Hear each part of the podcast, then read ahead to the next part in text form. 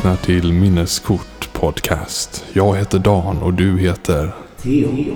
Ja, välkomna.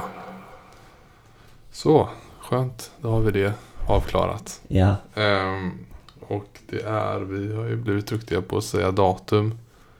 Ehm, den, eh, ja vadå? 17. 17 november. Ja. Så det är alltså 24-årsjubileum nu för den största snöstormen i eh, åtminstone våra liv eh, här i Göteborg. hittills. Mm. Och eh, den ser väl ut att kunna ja, hålla den placeringen Ja, ganska länge till. Det var ju 1995 så var det snöstorm i Göteborg. Och eh, ja, det är väl Ja, det- enda gången vi fått ledigt eh, från skolan. Eller, ja, det, vä- vädermässigt. ja, Idag öser regnet ner. Men eh, då var det andra bullar. Jag och en ja, före detta på den tiden när man kallade det dagis då, alltså förskolekamrat. Eh, vi skulle gå och se på, fast vi gick i skolan då. Ja. Men ja, eh, vi skulle gå och titta på Pocahontas på Jaha. bio. Men det blev inte så. nej.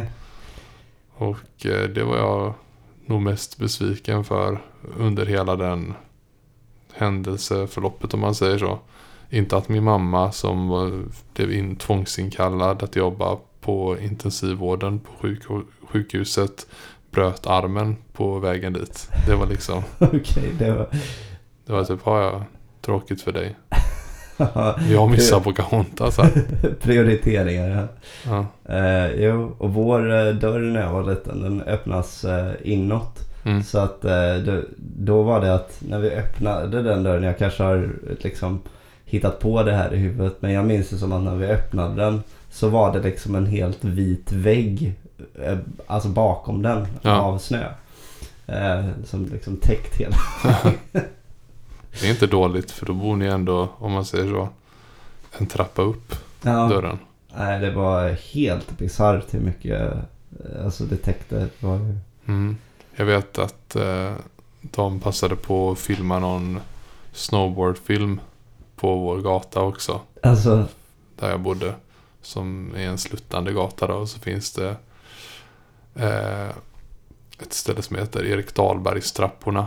just det. som ja. är, blev en väldigt bra slope där då.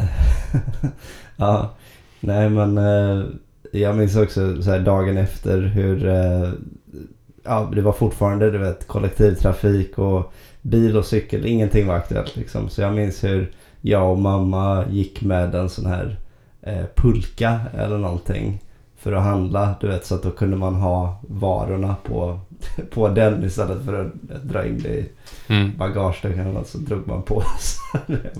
Det kändes väldigt mycket så här Emil eller Bullerbyn plötsligt. Mm. Allt för att det var snökaos. Ja, jag fick höra att nu de pratade om den här på den arbetsplatsen jag är nu. Att det var någon som under den tiden skrev sitt master, gjorde sin masteruppsats på arbetsplatsen där. Ja, Och som hade två kilometer till jobbet. Men kollektivtrafiken fungerade inte. Men han tänkte liksom, jag ska banne mig visa att jag är duglig och ändå ta ja, mig till jobbet. Så han pulsade genom snön på typ en timma. Och sen när han kom fram så var det ingen annan där. nej. Så han fick vända om. Ja men det, är- det är så typiskt också. Och på den tiden så är det liksom det är ingen du kanske kunde mejla eller komma åt på mobilen som kan berätta för dig om det faktiskt var så eller det är klart han kanske kunde slängt iväg ett samtal till växeln eller något och sett om de var där. Ja just det, det är knappt man hade mobiltelefon då. Nej, nej, nej, då var vi väl fortfarande kvar på eh, sökare som Mm. det sa på svenska. Ja. Ja, och eh, för ett år sedan så eh, pratade vi om Blizzcon. För Ja, att det just hade varit. För, för ett år sedan fanns ju podcasten faktiskt. Och eh, nu har det varit Blizzcon igen. Och vi nämnde vi det förra gången att vi att det skulle vara dags för det. Jag Ja, det kanske jag gjorde. Ja, jag minns inte. Eller så pratade vi eh, off camera eller vad man ska kalla Ja, just det. Det flyter samman det där. Eh, ja, men det har varit det. Och ehm, du sa till mig att du tyckte att de hade revanscherat sig lite från förra året. Vad menar du med det? Nej men att eh, förra året så var det ju att alla räknade med ett eh, Diablo eh, announcement och så. Och Mm. så fick de Diablo Immortal och nu var det ändå okej men här är Diablo 4 och en ganska cool trailer ändå. Jag såg den och Mm. så här, det kanske inte är min grej fullt ut varken det temat eller så här, ja, demoner och så. Mm. Men det såg ändå snyggt ut och allting. Och, ja.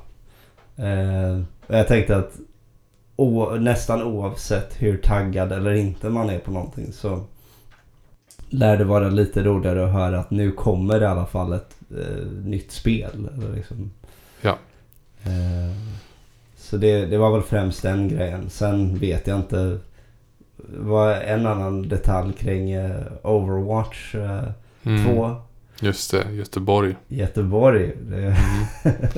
Så uppenbarligen finns det då göteborgare som jobbar för Blizzard. Som har ja, fått ett finger med i spelet när... var, var det inte du vet så här visit eh, incredible well known cities like eh, Toronto. Toronto and Gothenburg.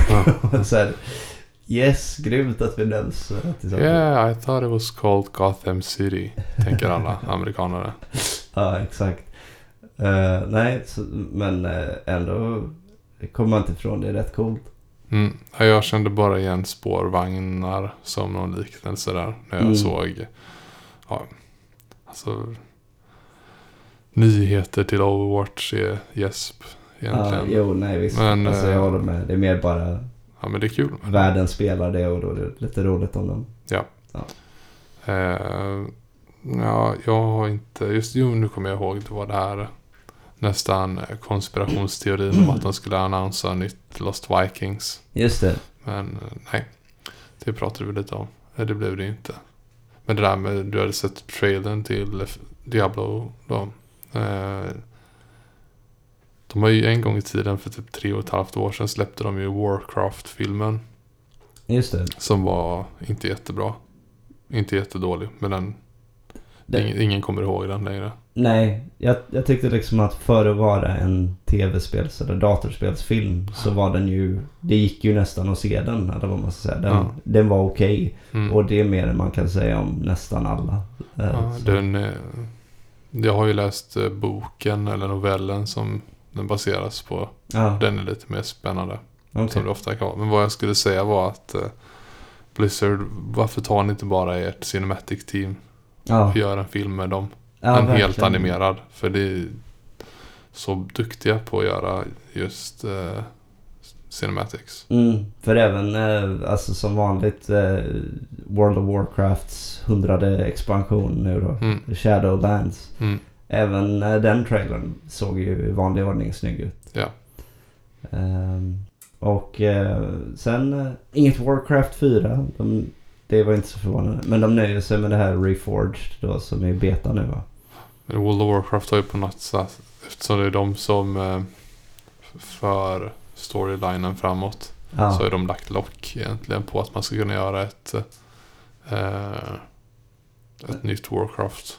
Mm, För då blir det ju precis. på något sätt, ja nu ska ett annat spel föra progressionen. Och vad händer då? Ska man på något sätt bara släppa nästa expansion till World of Warcraft och så är allting jätteannorlunda. Mm, nej, det hade behövt vara någon form av reboot eller långt i framtiden eller någonting sånt för att Mm. det skulle funka att göra en Warcraft eh, 4. Ja, då tror jag Starcraft 3 ligger närmare.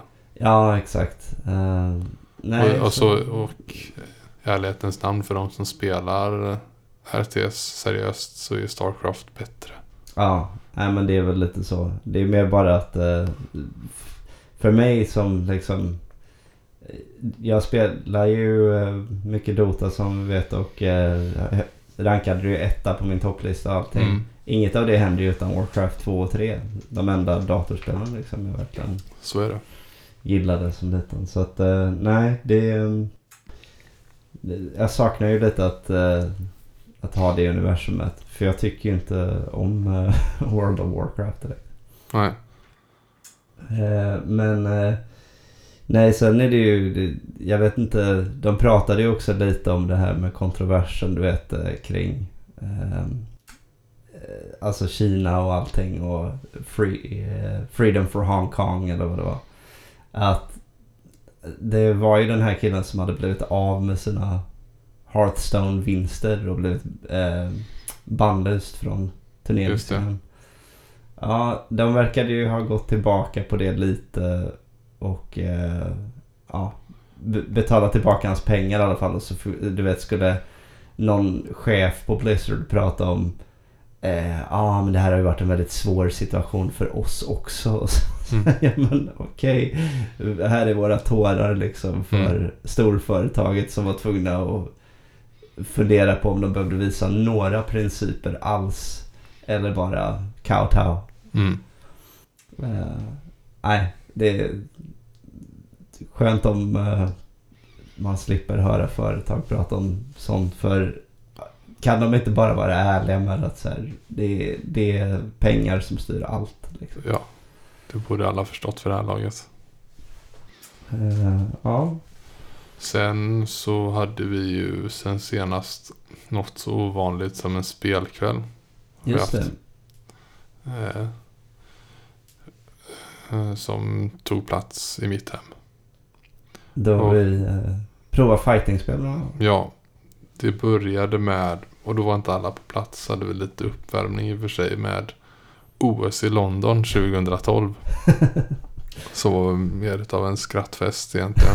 För att vissa saker ser så dumt ut. Ja. In, inget eh, höjdarspel alls, men det var ett eh, kul sätt att starta allting på. Sen så var det fightingspel som du säger då. Och av fightingspelen som spelades var det, vi provade, eh, det var få som hade spelat och inte jättemånga som hade hört om det tror jag det här Blast Blue. Mm. Eller som det verkar uttalas på japanska, brebru. Ja.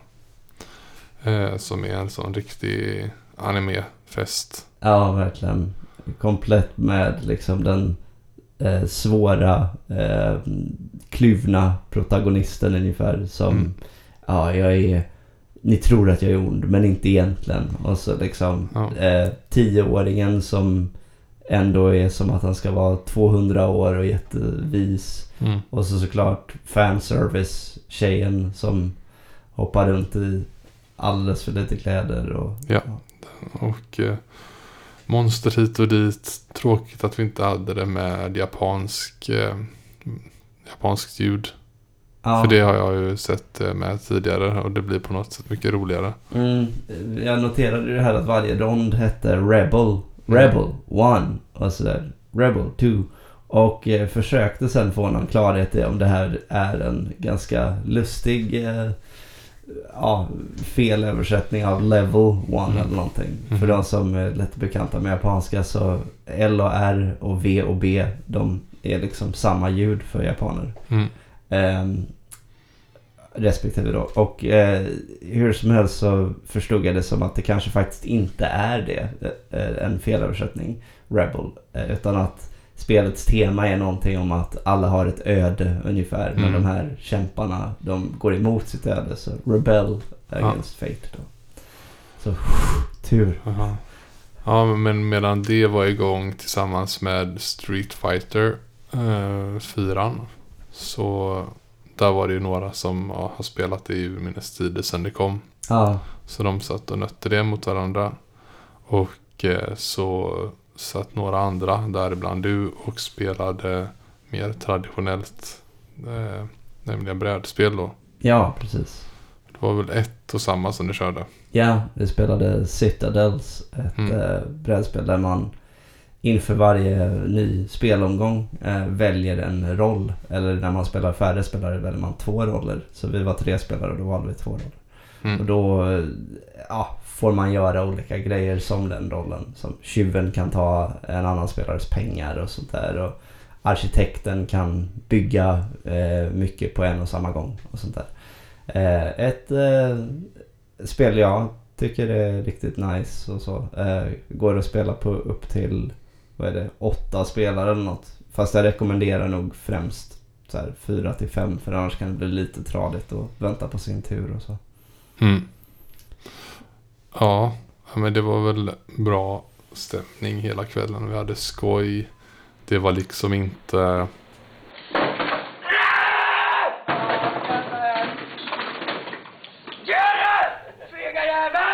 Utan snarare lät det på det här sättet. Vi kan ta och lyssna på lite hur det lät. Ja, ja. Ja. Tacksamt också att förklara. Nu ska vi se. Alltså, shuffla. Ja. Ja, just det. Nu minns jag. Och så kan man dasha skit. Så. Bra! Tryckte inte ens, så ändå höll han på.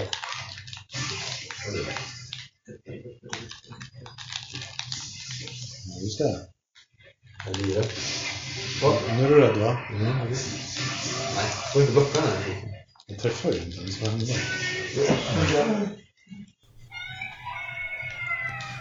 Ja. Eh, och därtill så spelade vi även då kanske kvällens favoritspel. Eh, Super Smash Brothers Ultimate. Ja. Och eh, ja, det var ju skoj. Dock så spelade vi ju med egentligen bara våra fighters som man var. Det var inget, inga items med i de här matcherna. Nej, precis. Vilket gjorde det att då blev ju så här skillnivån eh, mer påtaglig. Just det. Och då var ni två som var duktiga och resten utav oss var... Också där. Ja, vi var, vi var med.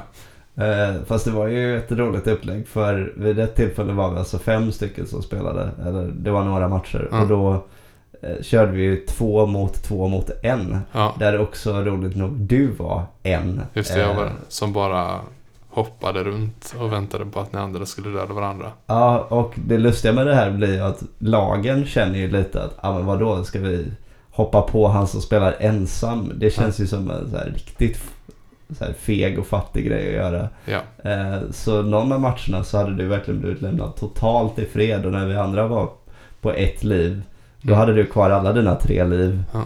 Och så, oh, shit, eh, ska, eh, nu får vi göra något. Så du, du tog väl hem en av matcherna? Jag Kanske. Tror, jag tror du vann en av dem. en, ja, jag var en match. Mm. Och sen var jag med i ett vinnande lag när vi bara var fyra som spelade. Just det. Ja, nej men eh, jag fick ju... Jag mötte min överman, din duktigaste kompis där. Han var Men han- eh, han, strået eh, vassare. Han spelar ju det här varje dag också.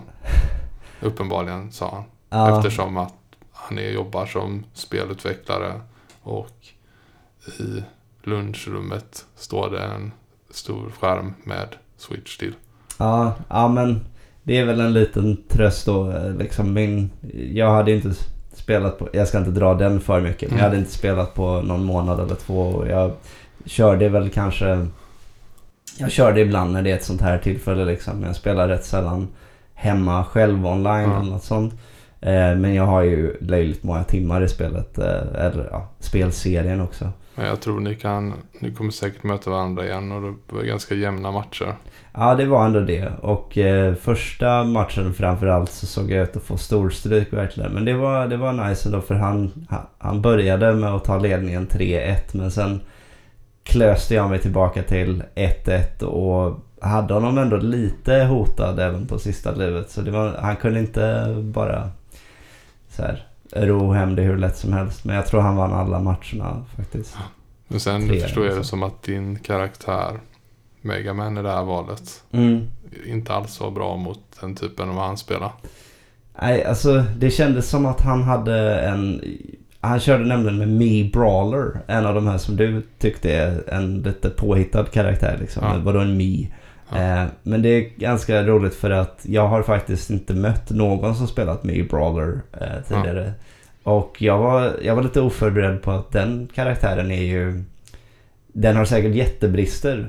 Men den har också en förmåga att eh, hetsa mycket och vara eh, aggressiv märkte jag. Mm. Och Megaman gillar verkligen att få lite utrymme och andrum att utnyttja sina projektiler. Men den här Me Brawler han bara in och säger ja, du, du kommer inte undan. Nej. Eh, han, han hade något, vad var det? Han hade ett björnansikte på den. Eller något. Ja, just det. Det är viktigt Ja, att eh, psyka sina motståndare. ja, det ser ju om inte annat rätt mycket roligare ut också än den här standardgrejen som bara är något derp-ansikte. Ja, helt livlös. Ja.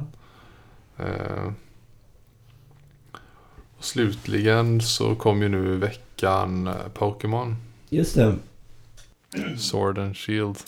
Exakt. Med, eh, det verkar ju dröja med Brexit ytterligare. Men Dexit får vi i alla fall. Om du Mhm. har hört den här memen.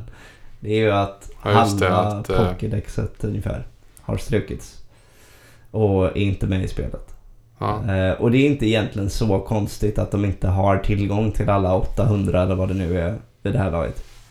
Utan det är väl mer bara att eh, den stora skandalen har blivit att de sa ah, nej vi kan inte ha med alla Pokémon i spelet för vi har behövt göra om alla animationer fr- eh, från grunden och se till att det ska vara riktigt snyggt nu för Pokémon Sword and Shield.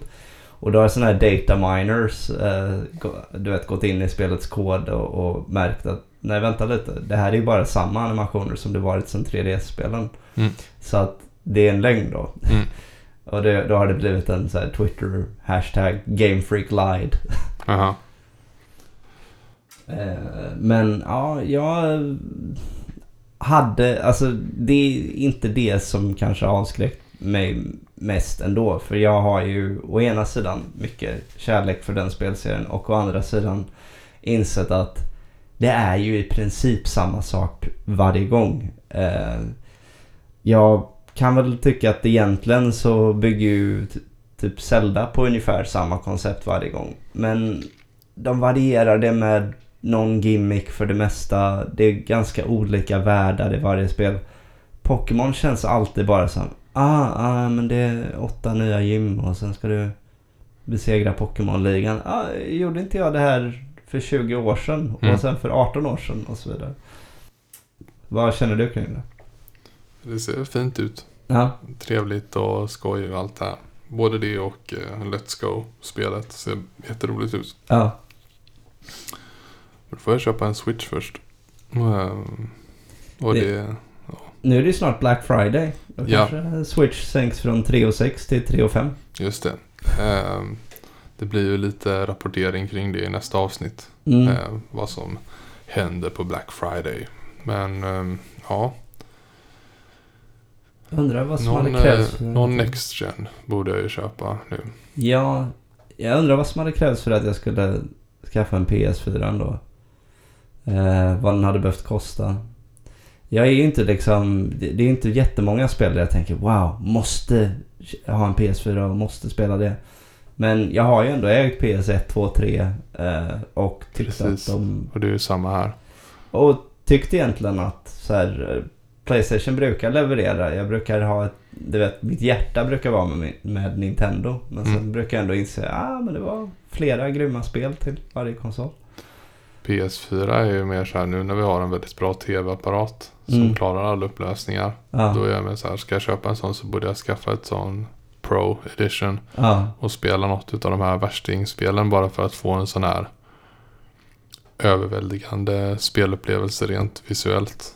ja, Och då är det väl, ja, nu kommer ju det här eh, Death Stranding. Det hade man ju kunnat ha som kandidat. Eller är det Red Dead Redemption från förra året. Eller ja, vad mer de här. ja, nu i vår Zero. kommer The Last of Us 2 också. Just det.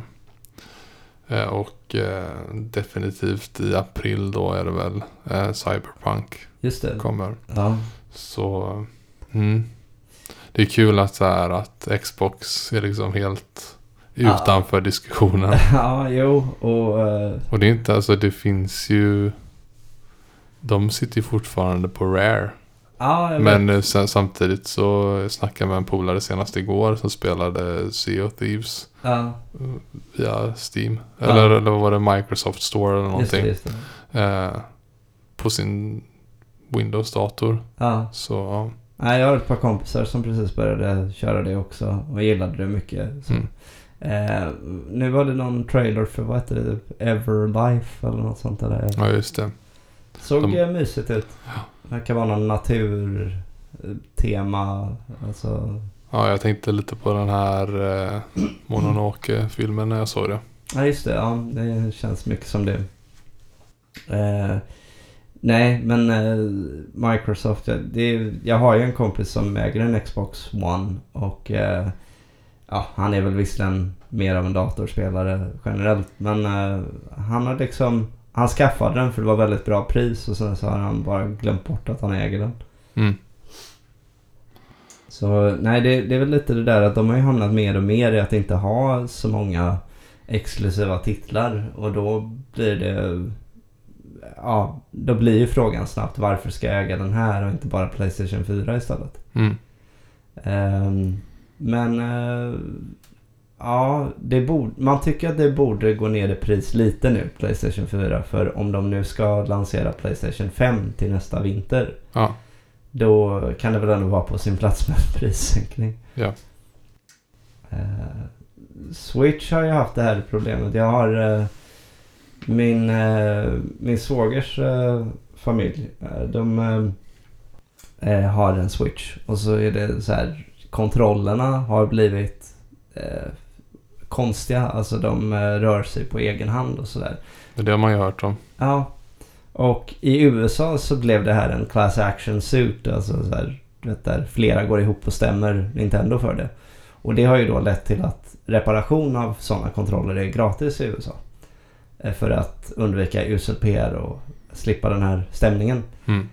I Sverige verkar det som att man bara betalar ungefär som för en ny kontroll för att göra den reparationen. Och eftersom det är ett hårdvarufel som drabbat hur många som helst så kan man ju tycka att det här är rätt kast från ett, spel, eh, från ett företag som alltid väl varit måna om Så gott som fläckfria. Ja, det, det, du vet, jag kommer ihåg att det ändå varit en grej sådär att ja men Nintendo-prylar det håller. Mm. Eh, så nej, det där känns inte alls bra tycker jag. För sådana saker, eh, det, det är ku- företagskulturgrej kan jag tycka. Eh, ja, du vet det vi pratat om att allting förändrades på Blizzard när det blev Activision Blizzard och Mm. Nintendo är inte uppköpt av några andra men, men den sortens grejer måste man faktiskt hålla på annars tycker jag det känns som att allt kan hända. Mm. Ja. Så med det sagt så går vi vidare till eh, nästa sektion. Så efter att vi hade i det 20 avsnittet ett avslut utav våran topplista de bästa spelen genom tiderna. Så har vi därefter de två senaste avsnitten haft lite utav hedersutnämningar. Där jag har pratat om Super Mario 64 och, du, och så pratade jag om Banjo Kazooie nu senast. Och du pratade om, Eh, ja, jag pratade om, eh, vilket var det nu? Eh, just det, Wind Waker ja. ja. Och dessförinnan så var det, Eh, Ratchet and Clank, Just eh, det. A Crack in Time. ja. Så nu byter vi lite tema igen. Vi ska inte hoppa tillbaka på topplistor riktigt än. Utan istället ska vi ta ett engångstema. Eftersom det bara går att göra det här en gång. Ni kommer snart förstå varför. För att vi kommer prata om vad vi anser är vår största överraskning någonsin. När det kommer till ett spel. Ja. Och vi gör så att eh, Theo får börja prata om vilket spel som har överraskat honom mest. Ja, eh, jo nej men eh, ja, det är ju det att eh, jag har ju varit ganska förutsägbar som spelare. Så där. Det har varit mycket, ni har ju märkt kanske när jag pratat att det har varit rätt mycket Nintendo och så här etablerade serier och sådär. Så att så fort det var någonting som hamnade lite utanför den sfären så var, kunde det bli en mycket större grej för mig. Eh, för det här kanske det, för andra så kan det nog vara mer förvånande att jag säger vilken överraskning att det här var otroligt bra. Men jag ville säga det i början då. För min största överraskning det var Mass Effect 1 då. Eh, som kom eh, 2007.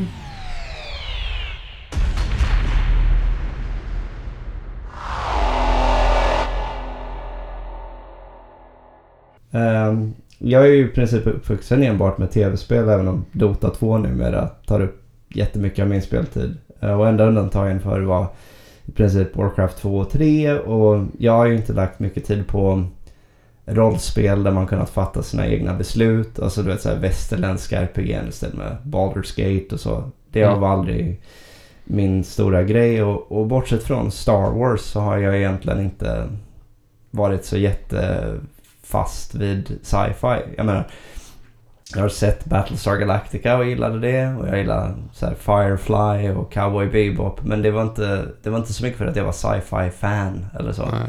Hur eh, bekant var du med Bioware överhuvudtaget innan? Egentligen bara att jag har en kompis som eh, dyrkade gamla Bioware på samma sätt som jag dyrkat typ Nintendo och Rare. Alltså hans favoritspel någonsin är väl Baldur's Gate 2 tror jag och han eh, har liksom tjatat på mig alla år att hur har du inte spelat Knights of the Old Republic? Det är bara fel. Mm. Eh, så att nej men jag, jag visste att han älskade det men jag hade aldrig kört någonting av det själv. Eh, så nej, när, men när en kompis, en annan kompis för övrigt, inte den här Bioware-sålda eh, killen då, utan en annan vän eh, pratade om att jag var tvungen att prova Mass Effect och då var det ju ändå med lite skepsis här, "Ja, men vad är det här för, man är någon rymdsoldat eller något, vad är det här? Eh, Men visst, jag fick ju låna spelet eh, och köra igenom det gratis. Så det, varför inte prova i alla fall? Det var ju det minsta jag kunde göra. Då gjorde du det på Windows. Ja. Och första kvällen jag spelade så sprang jag bara runt i timme efter timme i den här hubvärlden ungefär. Alltså Citadellet som är en stor stad då i den här Mm. galaxen. Eller ja, vår galax är det väl liksom. ehm, I framtiden. Men, och gjorde du vet sånt där som Visst, när man spelat många eh, såna här RPG'n senare, då blir man kanske less på fetch quests och små ärenden och sånt där. Men jag var bara så fascinerad direkt av den här världen. Det var så nice att träffa på olika karaktärer, läsa om mer lore och förstå hur den här världen hängde ihop. Mm. Eh, för alltså det är det, bortsett från Game of Thrones kanske och Star Wars och sådär så kan jag inte komma på något så här, eh, fiktivt universum som jag tyckte om lika mycket som Mass Effect-världen. Det, det ska utspela sig typ 150 år i framtiden där människan upptäckt något ämne på Mars som gör att vi kunde som gjorde att vi kunde åka till andra delar av galaxen. Och då upptäckte vi plötsligt alla möjliga civilisationer och ja, eh, det är liksom... Det roliga är ju att jag inser när jag pratar om Mass Effect att det, det är ju inte helt olikt Star Treks upplägg. Men jag fastnade aldrig alls för Star Trek när jag var liten. Det så här, såg alltid så B ut med rekvisitan och miljöerna kändes så här deppiga. Att, Åh, är de i den här plaststudion nu? Eh, de är på en planet. Ja, man får ju aldrig säga det högt att det är Days of Our Lives i rymden. Men Exakt så. Jag kände bara att, ja okej, jag förstår tjusningen så på samma sätt som, jag menar jag, jag har faktiskt fattat varför folk följer Days of Our Lives också. mm, Men, ehm, på nej. tal om det. Du ska inte kapa din, eh, Nej, alltså. din story här. Men alla skådisar har precis fått sparken ifrån Days of Our Lives. Oj! Så det ser ut som att eh, typ serien går i graven. Varför, va? Ja. Det, jag, nu blir jag ändå nyfiken för jag vet ju tillräckligt mycket om den för så här, Marlena, John Black, ja Hope. nej, det, det är inte så mycket mer sagt. Utan det är bara att det, liksom, det kan man se i, i deras papers. Att, att alla skådisar har blivit eh, av med kontrakten. Oj! Ja, det här är ju... eh, Nu vet jag vad jag ska gå in och kolla på Wiki och allt vad det är när jag kommer Mm. hem. Eh, nej, det var, det var intressant. Mm. Den har väl hållit på i 50 år? Eller ja, mer? Ja, mer. Ja, så eh, det är alltså Shepard vi pratar ja, om. precis. Eh, den här eh, som är baserad på någon vad är det, nederländsk modell eller något va? Eh, Mm. I utseendet. Och så, eh, ja, jag körde faktiskt standardutseendet. Jag tycker inte om och jag är så här väldigt inrutad att nej men det är ju så hjälten ser ut. Ser du inte? Han är med på framsidan. Mm. Eh, men eh, det, ja, jag ehm, tyckte verkligen att det var väldigt speciellt så. Men ja, som många nog vet så blev ju det här en trilogi. Mm. Mass Effect 2 och 3 kom sen. Vi låtsas som, som att Andromeda inte finns. Eh, jag har hört att det är skitkast. Eh, och tvåan, det blev liksom lite mer Hollywood på alla sätt. Det var lite mer så här... Eh, We have to do what's necessary to stop them. Och du vet så här, lite klyschigare dialog ibland kanske. Eh, men samtidigt var det andra grejer som att om man tog in Martin Sheen som eh, en då karaktär eh, som kallades The Elusive Man. Och han var så här, hade väldigt mycket pondus och mystik och det var en väldigt häftig grej. Så att man fick ta det onda med det goda lite. Gameplay blev väldigt mycket bättre också faktiskt i tvåan. Eh, men det var väl lite, jag tror att EA köpte Bioware halvvägs genom utvecklingen eller någonting. Så att det fanns tillräckligt mycket Bioware kvar. Så, eh, trean kanske var lite mer, ja, den var svajigare men det var absolut inte liksom så mycket av ett fiasko som många framställer det som. Det var mer bara att ja, den, den kanske inte var riktigt som ettan och tvåan eh, på de nivåerna. Och att slutet då inte var wow. Men, Mhm.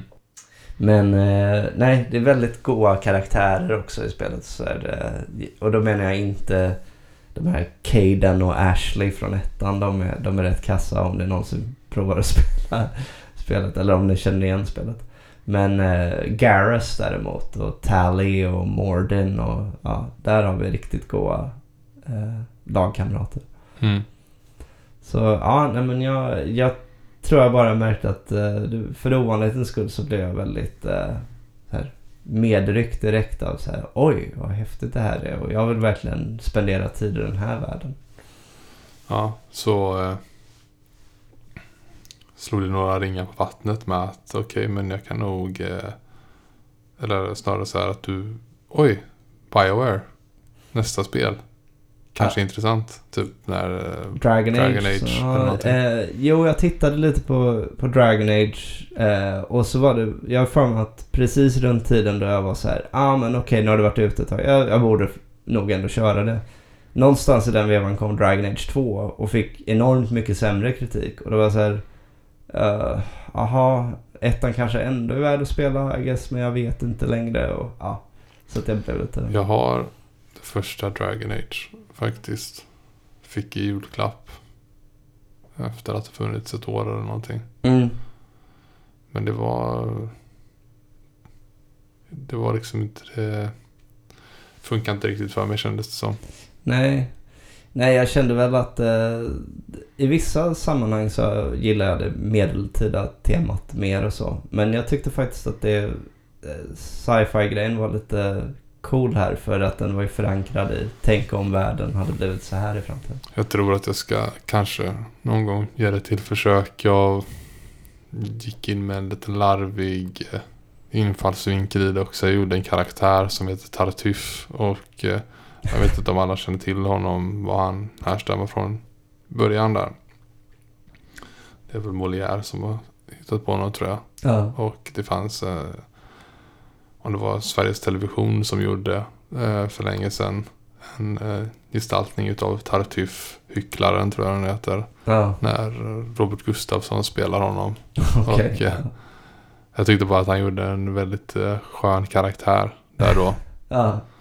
Eh, så då skulle jag efterapa honom. Men det gick inte liksom riktigt att knyckla in honom där utan Nej, hur larvig jag än gjorde honom. så seriositetsgraden var kanske inte maxad när du Nej, precis.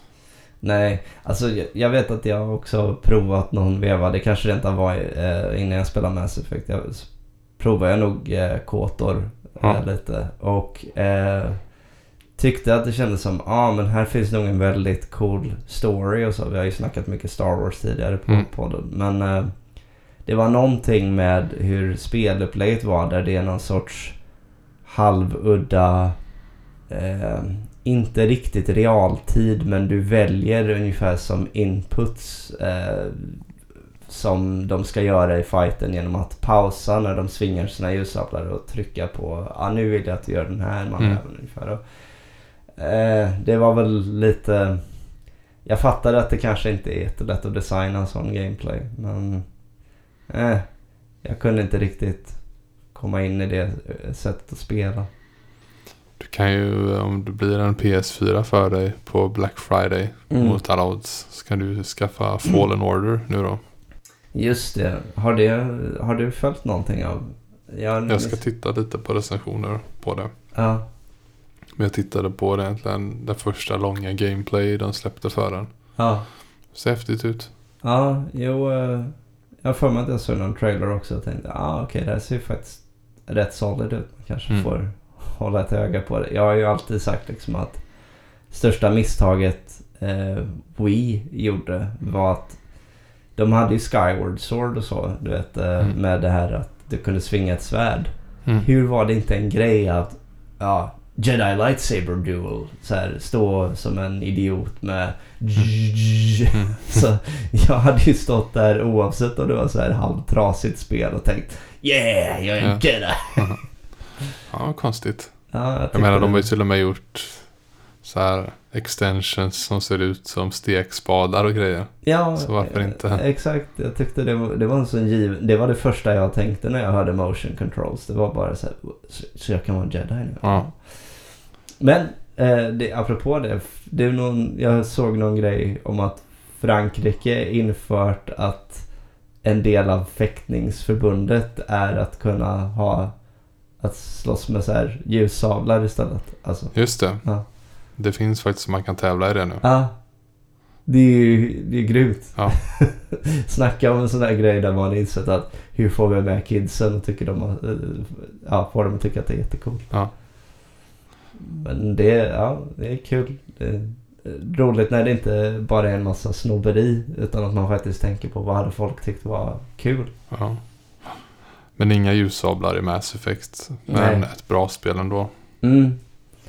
Eh, och det kanske faktiskt är skönt. Det var ju vissa som pratar om eh, det här att Star Wars ofta blir, det blir bara The Jedis. Men kom igen, det är ett coolt universum i övrigt och kan vi inte skippa ljussablarna lite?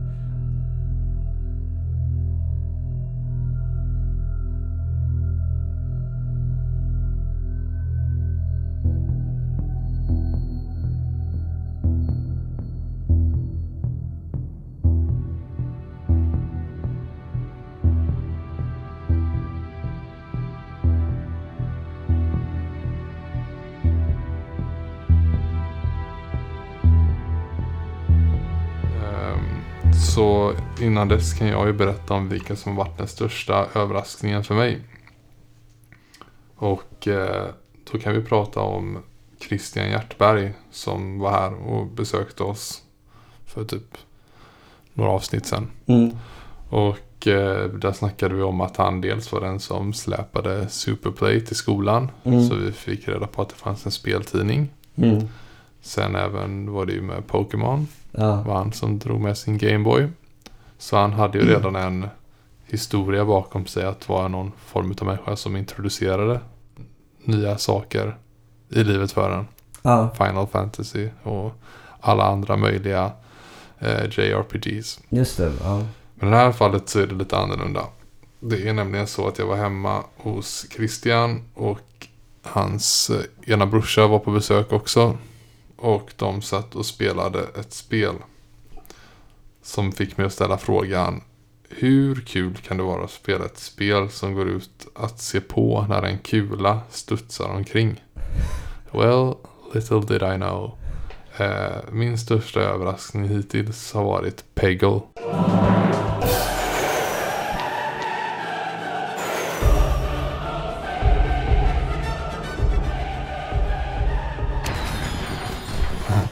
Från eh, PopCap är det va? Ja, eh, det kanske är. Jag, jag Eh, koll där. ja, Peggle. Så kom 2007. Och det här var 2009 tror jag eller någonting. För plötsligt ville jag bara spela Peggle och inget annat än vi umgicks. Eh, det talade bland, talades liksom bland oss om att eh, Peggle var en husreligion. Det var liksom till och med hans föräldrar var med på tåget. Jaha, Peggle. Eh, och det är väl ett skolboksexempel på hur man tar ett väldigt enkelt koncept och gör det beroendeframkallande. Ungefär Ja. som Snake har ju en gång gjorde. Ja.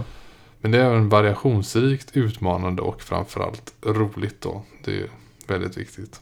Eh, och tematiken som fanns i spelet hade väl uttryckts som på 90-talets Superplay-redaktion som barnslig. Eh, men kanske även passande.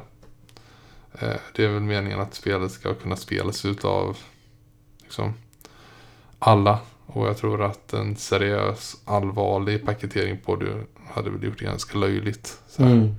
Jo, hur, hur det- kan ni få en kula som trillar ner och förhoppningsvis träffar en hink Ja, till men häftigt? det är ju lite så. Eh, Eh, man kan summera det i alla fall som historien om när jag lärde mig att man inte ska döma ut ett skitspel för tidigt. Eh, och eh, nej men har ni inte spelat Peggle så finns ju det garanterat till de flesta format numera. ja, Jag spelade på Xbox 360 när det begav sig. Det var ganska skönt att spela med en, en handkontroll. Funkar väldigt bra. mm. Eh, men det går att spela med musmarkör eller whatever. Ja, ja, vanligtvis eh, för, de, eh, för topplisteplaceringarna så har vi varit eh, väldigt noga med att ha kört den andras val och sådär. Här har jag inte kört Peggle. Jag har sett däremot hur spelet är och sådär. Jag kan tänka mig att man kan nog sätta sig in lite i känslan. Ja, det tar ju... Då jag pratar om variation och sådär då. Då är det exempelvis, man har ju olika... Man väljer helt egentligen olika karaktärer att spela som. Inte för att det egentligen har någon så direkt inverkan på det, det första uh, ansyn där. Men det blir till exempel, jag brukade spela som en, en bäver. Ja, Och eh, hans specialitet är att han kan få dubbla bollar som studsar. Okej. För det handlar ju om att du ska, beroende på vilket spelupplägg, men det kan handla om att du ska antingen eh, nudda alla orangea Ja, eh, grejer. Eller du ska nudda allt. Då Okej. kan den vara ganska bra.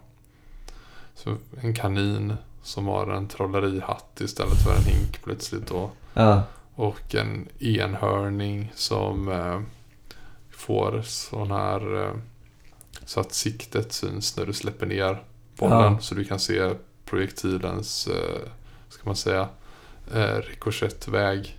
det hade, man hör ju ganska snabbt att det hade ju istället blivit väldigt larvigt om man inte gjorde det här barnsligt. Mm. Alltså tänk om det skulle vara, ah, jag väljer eh, snipern eller den Ja. med eh, three round burst eller Ja. något sånt. Ja okej, nej.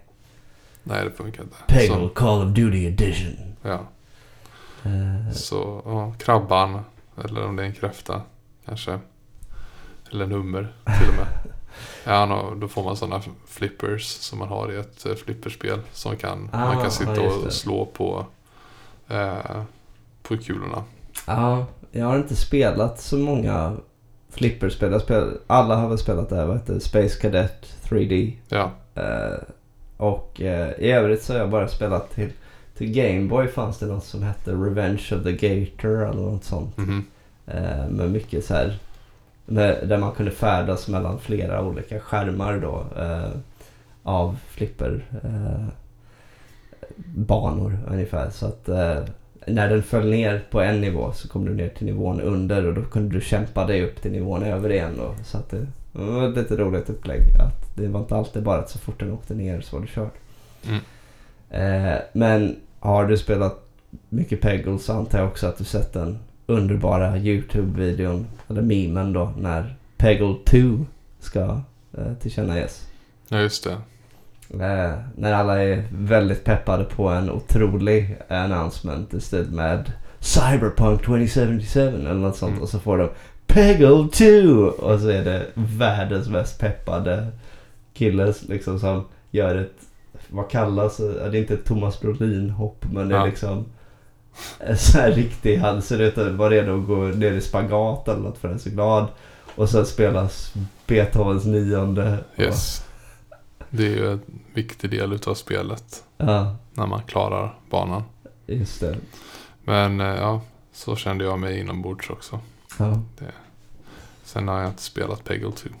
Nej. Men det eh, kommit annat emellan. Två ganska olika överraskningar men från ungefär samma tid va. Och Mm. ehm, ja, båda var aktuella på Xbox eh, på den tiden. Ja, och 360 eh, för att knyta ihop det ännu mer så Mass Effect var även Christian Hjertberg som introducerade mig för.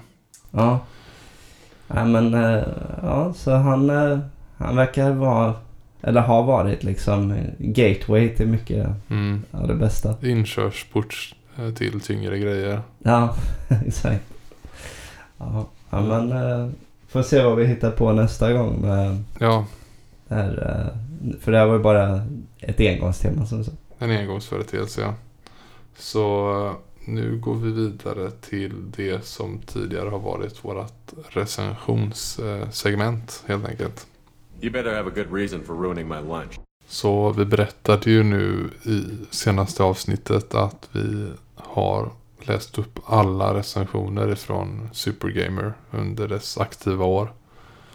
Och det stämmer ju. Men det fanns lite kvar utav tidningen från det andra numret som vi tänkte gå igenom. Och eh, sen har vi väl även nämnt om att det skrevs på mer material för ett tredje nummer som aldrig blev av.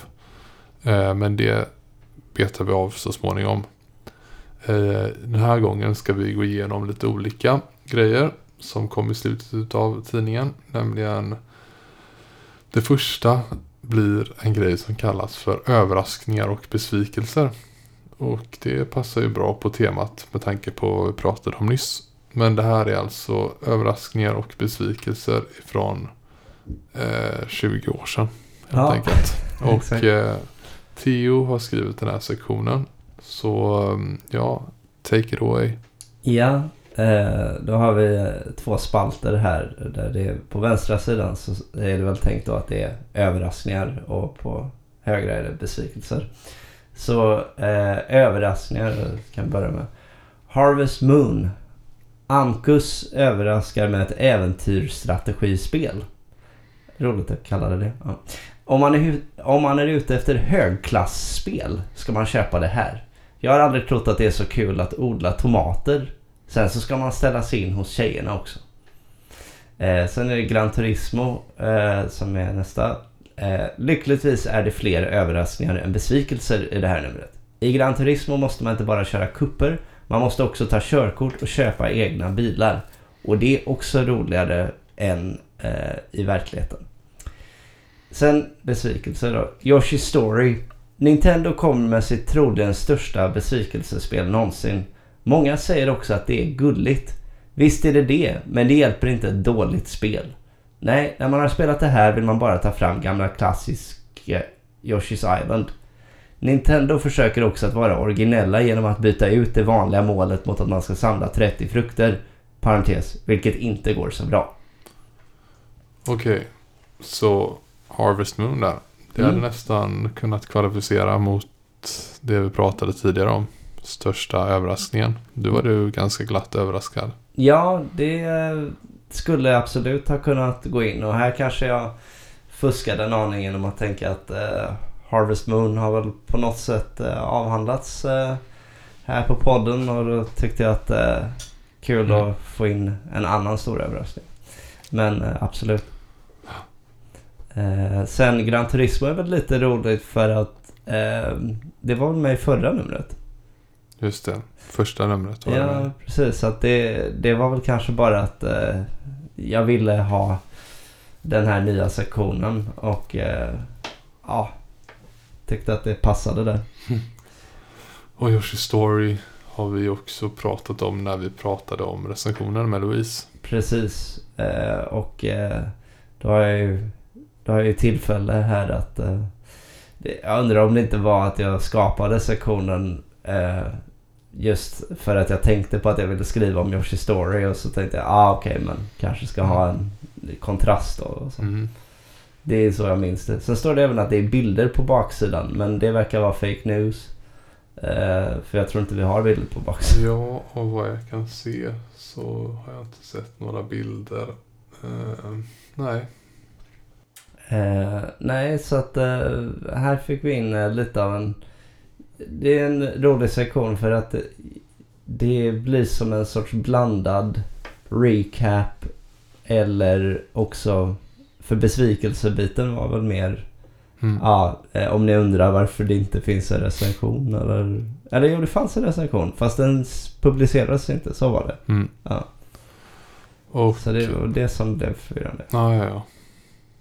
Så jag kanske ville få in någonting om det ja. i den faktiska tidningen. I eh, första numret hade vi ju koder, fusk och tips sektion. Då var det lite snack om Mario Just i det. 64. Eh, och det, den sektionen dyker upp igen här.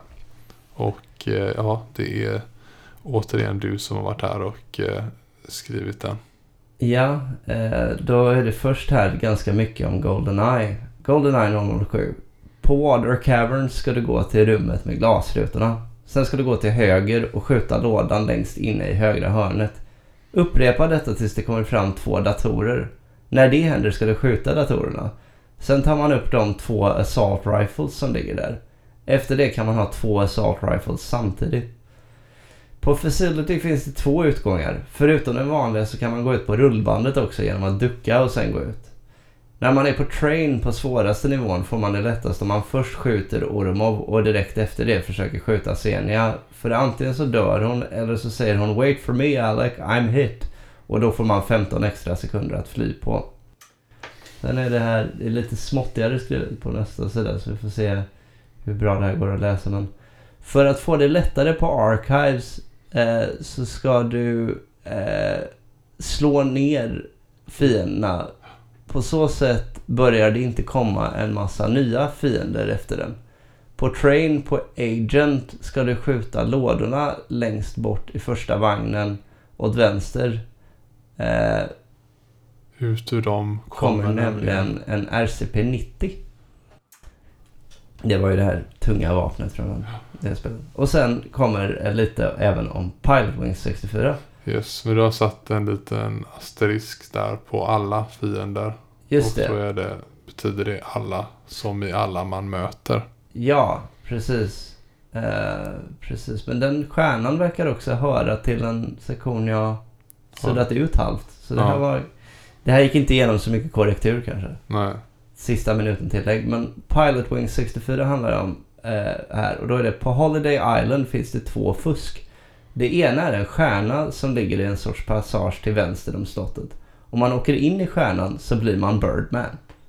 Det andra är att lite under baksidan av slottet finns det en gång med ett galler i. Om man kör in i gallret så blir det natt istället för dag. Mm. Nu vet vi det när vi gräver fram det igen. Ja.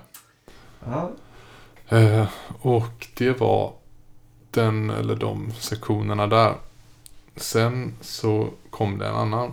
Och här blir det ju då, jag pratade ju om när jag berättade om hur mycket jag, mycket jag tycker om Zelda till 64. Om att jag även som barn började skriva ett manus till filmen. just det.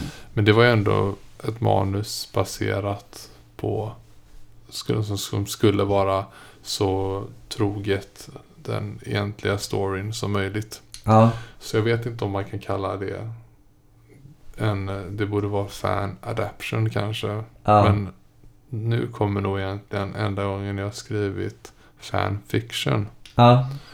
Och jag vet inte riktigt varför det blev så här. Men jag har, tror att det var när jag satt bara och bläddrade ett Superplay-nummer någon gång. Och så var det en väldigt stor bild på en figur där som jag bara kände för att klippa ut och klistra in på papper själv.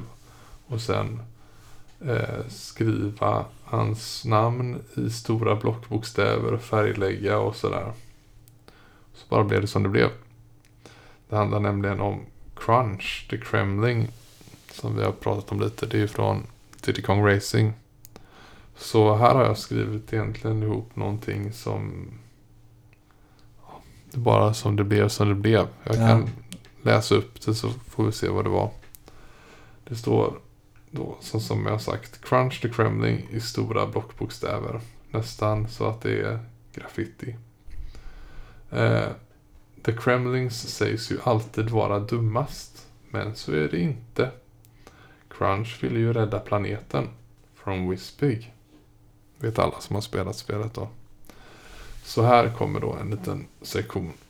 Där det återigen står Crunch the Kremling underskri- understruket som en rubrik. Och sen står det han är cool, schysst, fräck och bra. Crunch har varit med i ett spel. Inom parentes Diddy Kong Racing. I det spelet gjorde han inte någon särskilt bra debut. Eller hur? Alla som körde det tyckte att Crunch var trög och inte gullig. Men jag, Dan, tycker att Crunch är otrolig. Han är ju nästan lika snabb som Drumstick.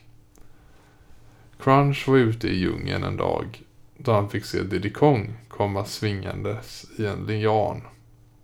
Crunch blev nyfiken och följde efter. Till slut kom Diddy till sitt hus. Där han fick se att Donkey och Dixie och de andra hade åkt på semester. Han blev inte ledsen, bara glad. Då steg Crunch fram och sa Vad gör du? Och Diddy berättade allt vad Wispig hade gjort. Då sa Crunch Jag följer med. Av Dan. Så, så var det med det. Ja. Eh, Det, backstoryn då till spelet. som faktiskt finns i instruktionsboken till spelet egentligen. Ja. Så det var nog, jag hade ju inte läst instruktionsboken för det gör man inte som barn. Nej. Man sätter in spelkassetten i konsolen och sen så har man sina antaganden om hur spelet funkar Ja. och så gick det jättebra. Så egentligen handlar det ju om att de är på Timbers ö tror jag eller någonting. Alltså tigern man kan spela som. Och hans föräldrar är bortresta. Ja. Och då passar Wispig på. Just det, just det. Och, eh, ja, och från början skulle spelet inte... Eh, det skulle väl kretsat kring Timber. Med Yes. honom i huvudrollen. Och, Men han var inte tillräckligt välkänd. Han var ju ny helt Ja. enkelt. Så då tog man ett säkert kort och plockade in Diddy istället. ja. Ehm, ja, jag tror inte jag har skrivit någon fanfiction ever Nej, sedan dess med någonting. Det, nej, jag tror inte jag har gjort det heller. Jag har liksom haft... Jag har hittat på idéer kring eh, ja, en ny Pokémon som skulle ha, du vet, ungefär det här utseendet. Jag kunde inte rita direkt, Mm. men liksom idéer kring hur de skulle vara utformade. just det. Ja, Men eh, inte faktiskt skrivit något så. nej. Det kanske inte framgick här nu när jag läste det. Men jag hade väldigt svårt att hålla mig för skratt faktiskt. När jag läste den här texten. En, en, en rolig detalj också är att du sa, du, du säger någonting i stil med eh, han var trög och inte alls gullig eller något. Ja, Och eh, det här är ju särskilt kul för mig att höra för att eh, senaste 5-10 åren så har jag och mina vänner använt ordet trög som en sorts svensk översättning av derp i princip. Ja. Så, och vi säger det väldigt ofta för, i betydelsen gullig. mm. Eh, särskilt när man pratar om så här djur eller bebisar eller så här. Och trög och så menar man gullig. Så ja. jag hade, ja, nu när vi läser det så tycker vi, vadå? Han är inte gullig men han är faktiskt gullig. Så, Ja. I det här fallet handlar det om att det var en svårmanövrerad figur. Ungefär som att välja Bowser i Mario Kart. Just det. Och sen är ju han är ju inte lika gullig som Tip Top eller... I- Inte det Pepsi. tråkiga med, med Crunch, just det där du säger. Han är ju nästan lika snabb som Drumstick. Är det inte det här att Drumstick är en hemlig karaktär och när man väl låser upp Drumstick finns det ingen anledning att välja Crunch längre. För han är bara sämre på allt. Just det. Det, det är ju ganska, för visst, vissa är ju mycket långsammare och så. Men om man eh, väljer Pipsy eller någonting så får man i alla fall bäst acceleration. Mm. Det är tråkigt med en gubbe som bara är så här, äh, sämre på allt. Mhm. Fast TT är bättre än alla på allt va? Tror jag. Just det. Men Då har man ju redan klarat det. Så. Ja. Eh, ja. Och eh, det finns en sida till utav det här numret faktiskt. Men den sidan tänkte jag att vi kan ta och avrunda hela avsnittet med. Vi hade nämligen tänkt att avsluta det här avsnittet med sista sidan då i Supergamer nummer två. Eh, nämligen i nästa nummer brukar man ju ha på sin sista sida. Vad har man att vänta sig i nästa nummer? Och eh, jag kan se att de tre första spelen här står beskrivna utav dig. Och sen om jag kan tyda rätt så tror jag faktiskt att det är Christian Hjertberg som har skrivit eh, eh, det sista. Ja, så det kan ju du läsa kanske. Ja. Så vilket spel ska vi få se i nästa nummer? Ja, då står det så här. Trodde ni att Mario hade tagit en paus? Det är nämligen det sista han har gjort. Nu ska han bli festfixare i Mario Party. Eh, och sen eh, står det May the force be with you. Luke, Wedge och resten av gänget kommer tillbaka i spelet Rogue Squadron. Och sen Solid Snake kommer tillbaka men inte Big Boss. Istället är Solid Snake eh, ja, Solid Snakes Onde. onde bror Liquid Snake, bad guy. Och sen, ja. Ja, sen står det nu är det inte Wario som är tjuven utan han som blir bestulen. Följ med Wario i över 50 banor som är roliga, svåra och stora. Wario är tillbaka med Wario Land. Eh, Två, ja. Men det kommer inte riktigt med här. Men ja, Wario Land. Då, det andra. Och så bilder på vardera spel. Så ja, Mario Party. Ja, precis. Skulle ha varit aktuellt eh, då. Och eh, kul också för Metal Gear Solid. Det är ju apropå Death Stranding förut. Och Mm. att jag läste de här roliga omdömena om att det ska vara en Postnord-simulator och sånt där. Att det är mycket bära paket åt Mm. höger och vänster. Ja. Men Metal Gear Solid, jag minns ju att jag tyckte om ettan rätt mycket. Och att då, du vet, vi hade spelat Metal Gear 1 till Nintendo 8-bit och det kändes, du vet, eh, som ett bekant koncept allting. Eh, men sen liksom tvåan, trean framåt så blev ju storyn bara konstigare och konstigare. Mm. Tvåan är det det som jag har mest erfarenhet av. Ah, okej. Jag tycker det är väldigt häftigt. Ja. Speciellt när det var nytt. Då var det så, wow. ja. Nej, det är ju filmiska spel liksom. Mm. Eh, Rogue Squadron kanske vi snackat lite grann om men det var ju ett eh, väldigt eh, nice spel tycker Ja, jag. vi spelade väl ihop lite eh, nu för ett år sedan när vi körde igenom eh, Shadows of the Empire. Just det, just det. Och eh, nej men roligt däremot med det här urvalet för att eh, vi har ju ändå det där att det slutar ju ofta med att det gått nästan ett helt år när vi skriver en ny Mm. tidning. Eh, och du vet när man försöker tänka ut vilka är de tyngsta släppen som man kan hitta. Då är Mm. det ändå lite roligt att det har landat i den här eh, samma, ja men den här uppställningen. Mm. För eh, jag tänkte just på Pokémon lyser verkligen med sin frånvaro. Om det inte ens är du vet upplagt för i nästa nummer här. Det är nästan Ja. som att vi tappade bort recensionen i andra numret och sen, ah, ja nu är det för sent. Och, Ja, för det är liksom jättekonstigt. Det är ju ett sånt fenomen så det känns alltså det, naturliga hade ju varit, vi hade ju Mario och Bond på första numrets framsida. Och sen Link på andra numret. Det känns ju som att hade det varit ett tredje nummer så borde Pikachu ha varit på, Ja. på framsidan. Så eh, nej, det... men eh, det här är ju what would... What could have been. Mm. Eh, men vi har pratat om det, att nästa gång så kommer det samtidigt vara ett eh, smakprov på What Could Have Been. För bara för att det inte blev ett komplett nummer så, Så skrevs det ändå. ja. Så visst, vi kommer att eh, faktiskt att eh, bjuda på, på någonting. Ja, eh, och då eh, finns det ju också tillfälle att prata lite kring de spelen. Det är ju eh, det här när det bara är koder, fusk och tips då blir det kanske inte lika mycket kringsnack med... Nej, man betar av det ja. egentligen. Så ja, men ni får fortsätta hänga med på den här lite, vad ska man säga, uncharted territory Ja, som vi är nu för podden.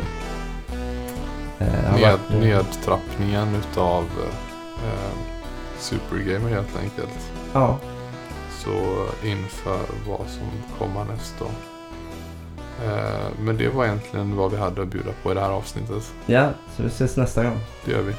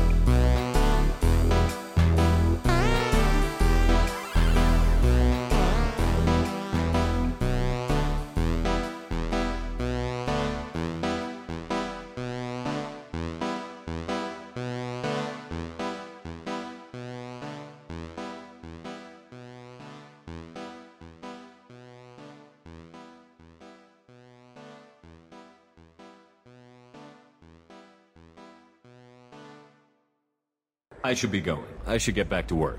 I should get going. We better get going. I should go. I have to go. I have to go. I should be going. I'm going. I have to go. I should go. I should be going now. I should go. I should go. I should go. I should go. I have to go. I should go. You humans are all racist.